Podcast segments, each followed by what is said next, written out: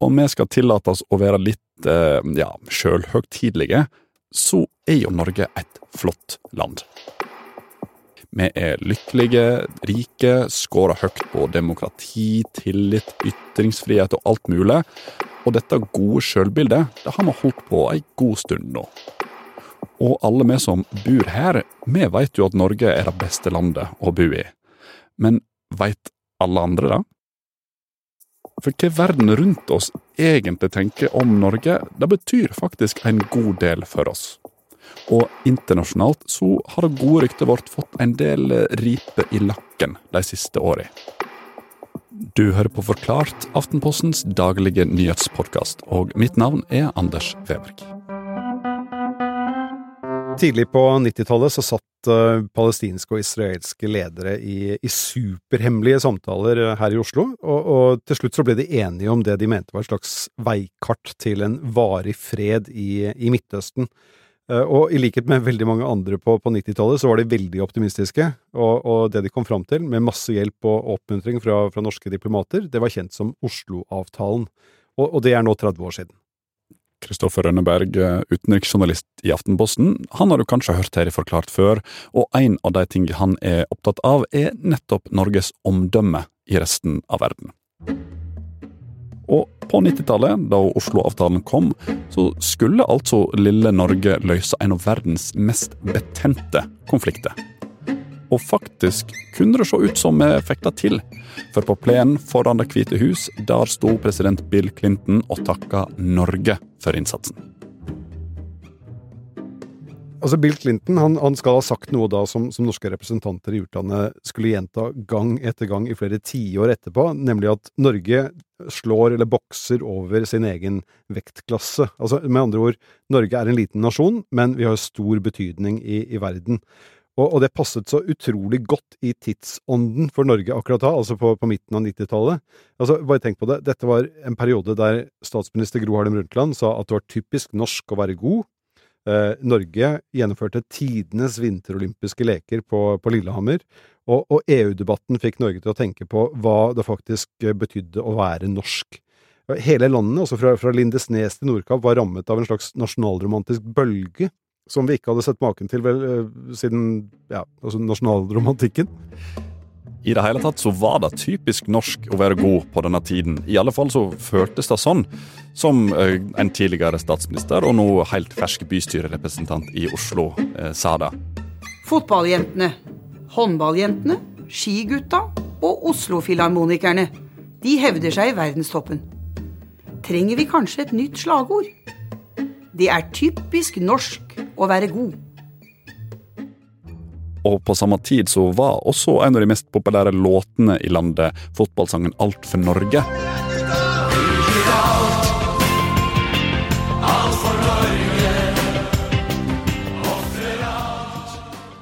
Så vi visste godt hva vi tenkte om oss sjøl. Men hva tenkte egentlig resten av verden? Dette spørsmålet drev og dirra rundt, særlig hos Utenriksdepartementet på denne tiden. Så de sendte en mann ut i verden for å finne svaret. I mitt, uh, i mitt forrige liv så, så, jobbet jeg som lokalt ansatt ved den norske ambassaden i, i Washington. Og uh, en dag så husker jeg at det dukket opp en, en ganske høflig engelskmann med pen aksent og enda penere tøy. Han, eh, han het Mark Leonard, og han var kjent uh, først og fremst som en reklameguru. Og, og Mark han var kommet for å, for å, til ambassaden for å høre hvordan vi jobbet for å fremme Norges image i, i utlandet. Og så var han der for å finne ut av hvordan amerikanerne så på, på Norge. Altså Washington var bare ett av mange stopp på, på veien for, eh, for, Mark Leonard. Han, han, reiste overalt for å finne ut hva, hva som var Norges omdømme der ute i verden. Og etter denne her lange reisen, hva fant han ut til slutt? Det, det, han oppdaget, det, det, var at folk eh, der ute i verden eh, egentlig ikke mente så, om, så mye om Norge i det, i det hele tatt. Det, det, var litt sånn nor what? Eller eh, nor who?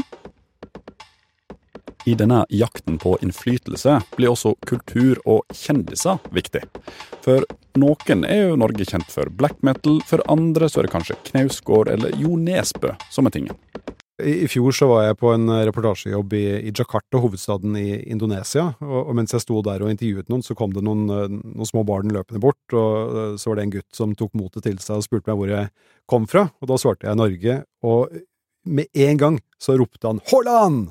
Og, og det, akkurat det er det nok mange andre som også tenker når de, når de hører Norge.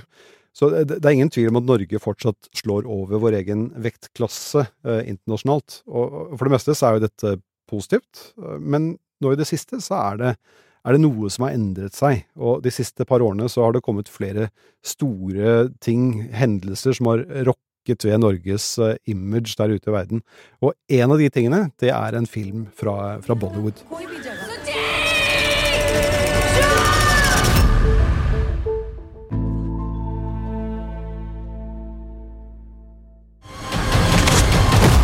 इन लोगों ने हमारा दुनिया छीन लिया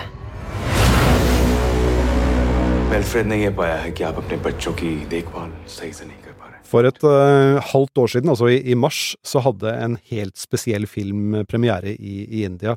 Og, og, den var spesiell fordi den tok for seg det norske barnevernet, og det på en ganske så negativ uh, måte. I, I, filmen så opplever et indisk par i Stavanger at barnevernet kommer og tar fra dem den fem måneder gamle datteren deres. Eh, og denne filmen den, den, skal ha vært basert på noe som skjedde i, i Norge i, i, 2011. Og da den hadde premiere nå i mars, så fikk den ganske mye oppmerksomhet, spesielt i, i India, selvfølgelig.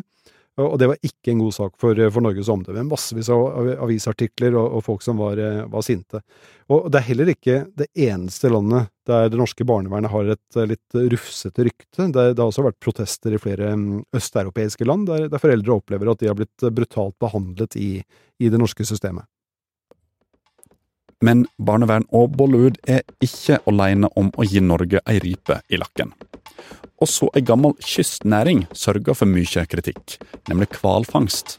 I dag er det bare Japan, Island og Norge som driver med kommersiell hvalfangst, og den praksisen er omstridt. Dette har vi også laga en episode om tidligere her i Forklart. Men når vi først er der ute i havgapet, så finner vi også ei anna kilde til kontrovers. Kanskje noe av det Norge er aller mest kjent for. Altså, om det er noe Norge ønsker å være kjent for, så er det som et rent og vakkert land. Det blir liksom ikke norskere enn et bilde av fjorder og fjell og isbreer og, og lyng, men, men, samtidig så er jo Norge en betydelig produsent av olje og gass. Altså, rundt 2% av alt det fossile brennstoffet som pumpes ut i verden, det kommer fra Norge. Og, og, da blir det jo en utfordring for klimaminister Espen Barth Eide når han skal reise rundt i verden for å snakke om hvordan vi alle sammen skal nå klima, klimamålene. Og, de siste årene så er det flere som har påpekt uh, at det er en motsetning her mellom hva Norge uh, gjør som olje- og gassleverandør, og at Norge skal være en, en, miljønasjon. Og, og, CNN de hadde en sak for ikke så lenge siden der Norge ble omtalt som en klimahykler. Så uh, oljen og gassen skaper trøbbel for, for det norske omdømmet, og, og, det er faktisk flere grunner til det, ikke bare dette med, med klima. Nei, for gassen vår den ble ekstra betent etter at Russland invaderte Ukraina. For Russland har lenge vært Europas hovedkilde til gass, men da er det slutt på. Nå er det Norge som leverer mest gass ned til kontinentet. Da Russland rykket inn i Ukraina i fjor og startet fullskala-invasjonen av, av, nabolandet, da skjøt prisene på, på gass i, i, været, spesielt i Europa. Fordi Norge, som leverer rundt en fjerdedel av gassen som brukes i Europa, så, så var dette noe som skapte helt enorme inntekter. Altså, I 2022 så tjente Norge 1500 milliarder kroner på å selge olje, olje og gass. Det er tre ganger så mye som, som året før, og, og, det kommer altså som en direkte konsekvens av Putins krig i, i, Ukraina. Og dette her, denne enorme fortjenesten av gassinntekter, det, det fikk mange der ute til å reise bust mens de hyttet mot neven opp eh, nord mot Norge. Og den eh, polske statsministeren, for eksempel, han mente at Norge burde dele overskuddet med de europeiske landene. Og magasinet The Economist, som mange med makt og innflytelse leser, de omtalte Norge som en krigsprofitør. Og den merkelappen, den er det jo ingen som ønsker å ha hengende på seg. Ja, For det er jo en ganske alvorlig anklage. Hva har Norge gjort med den anklagen? Eh, Statsminister Jonas Gahr Støre han har for det første vært veldig opptatt av at Norge skal bidra i kampen for å forsvare Ukraina, og, og Norge er faktisk nå det landet som bidrar med mest penger til Ukraina, målt etter eh, brutto nasjonalprodukt, altså størrelsen på vår nasjonale økonomi. Og en annen ting som ble lagt merke til der nede på, på kontinentet, det var at regjeringen innførte en tvungen lønnsnemnd da ansatte i, i olje- og gassnæringen gikk til streik eh, i, i fjor. Altså de, de avsluttet streiken med en gang da den begynte. Og hvis denne streiken hadde fortsatt, så kunne det ha påvirket gassproduksjonen og, og dermed skapt usikkerhet i, i Europa. Og sånne ting som det, det har nok bidratt i, i positiv retning og, og, og, gjort at inntrykket om Norge som en krigsprofitør ikke har festet seg i, i, like stor grad som det kanskje ellers ville gjort. Så det er mye motgang, eh, med andre ord. Men er det virkelig så nøye hva verden syns om uh, lille Norge? Altså igjen dette uttrykket med at Norge skal bokse over sin egen vektklasse, at vi liksom skal ha større innflytelse enn hva størrelsen vår eh, skulle tilsi, det, det, det har nok mye med, med, saken å gjøre. Altså, vi er fem millioner mennesker her, det er ikke veldig mange. Det er, det er 20 byer i Kina som er større enn en det. Eh, men vi har masse, masse penger her i landet, og, og dette eh, store nasjonale selvbildet. Vi ønsker å være viktige, og så ønsker vi jo alle sammen, på personlig plan og på nasjonalplan, å være godt likt. For når du er godt likt, da lytter folk til deg. Det betyr at vi kan være med på å påvirke verden i den retningen vi vil, sjøl om vi er små, altså bokser over vår egen vektklasse.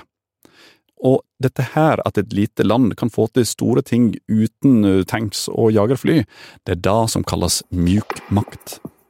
Myk makt er et uttrykk som ble skapt på, på 90-tallet av en statsviter som heter Joseph Nye. Og det han forsøkte å, å, formidle, og som har blitt veldig viktig i statsvitenskap i, i tiårene som fulgte, det er at man kan utøve makt på mange forskjellige måter. Man kan tvinge folk gjennom militære midler eller økonomiske midler, eller man kan påvirke folk eh, ved hjelp av andre midler, for eksempel kultur. Altså USA er det landet i verden med mest myk makt, og det er fordi USA ikke bare er mektige økonomisk, men militært, men også fordi de har en kultur som mange andre ønsker å kopiere. Bare tenk på 50-tallet med James Dean og rock'n'roll og alle de tingene som gjorde at USA ble så store og så mektige. Det handlet ikke bare om den harde makten. Og dette begrepet, altså myk makt, det er det mange andre land som ønsker å, å, å, å bruke sin myke makt. Sør-Korea, et eksempel på det. Veldig flinke til å eksportere sin kultur, og dermed utøve større innflytelse. Selge flere Hundai eh, og Samsung-produkter. For Norges del så handler det om både det å selge norske produkter, selge norsk innovasjon, selge norsk natur, men også at Norge ønsker å påvirke andre land sånn at man får en verden styrt av demokrati og menneskerettighetsprinsipper. Det skaper en mer stabil verden, som er i Norges interesse. Så inntrykket verden har av Norge, det har hatt noen solide oppturer, men også noen kraftige nedturer. Hvordan er det i dag og, og veien framover nå, Kristoffer? Hva er det folk tenker om oss?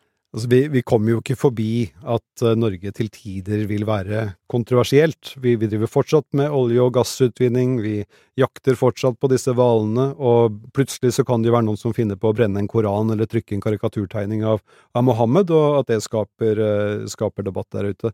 Men generelt sett så er Norges omdømme ganske så, så bra. Vi havner som regel nære toppen på sånne store globale målinger om hvilke land som er best å bo i, og hvor folk er mest lykkelige. Eh, og det at både myndigheter og, tror jeg i hvert fall, mange nordmenn generelt er så opptatt av hvordan vi fremstår i utlandet, det sier jo kanskje også litt om eh, at vi ønsker å fremstå på en positiv måte. Og, og, og det i seg selv, det kan jo være et uh, bra trekk. Kanskje, kanskje det skjerper oss litt.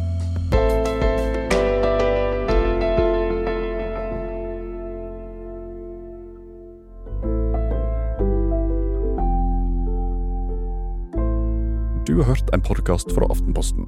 Det var Kristoffer Rønneberg som forklarte Norges PR-problem i utlandet.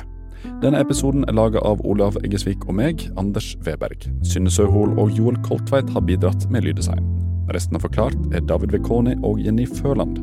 Du har hørt lyd fra nyttårstalen i 1992 på NRK, sangen Alt for Norge som er gitt ut på Sony, og traileren til Netflix-filmen Mrs. Chatterjee versus Norway.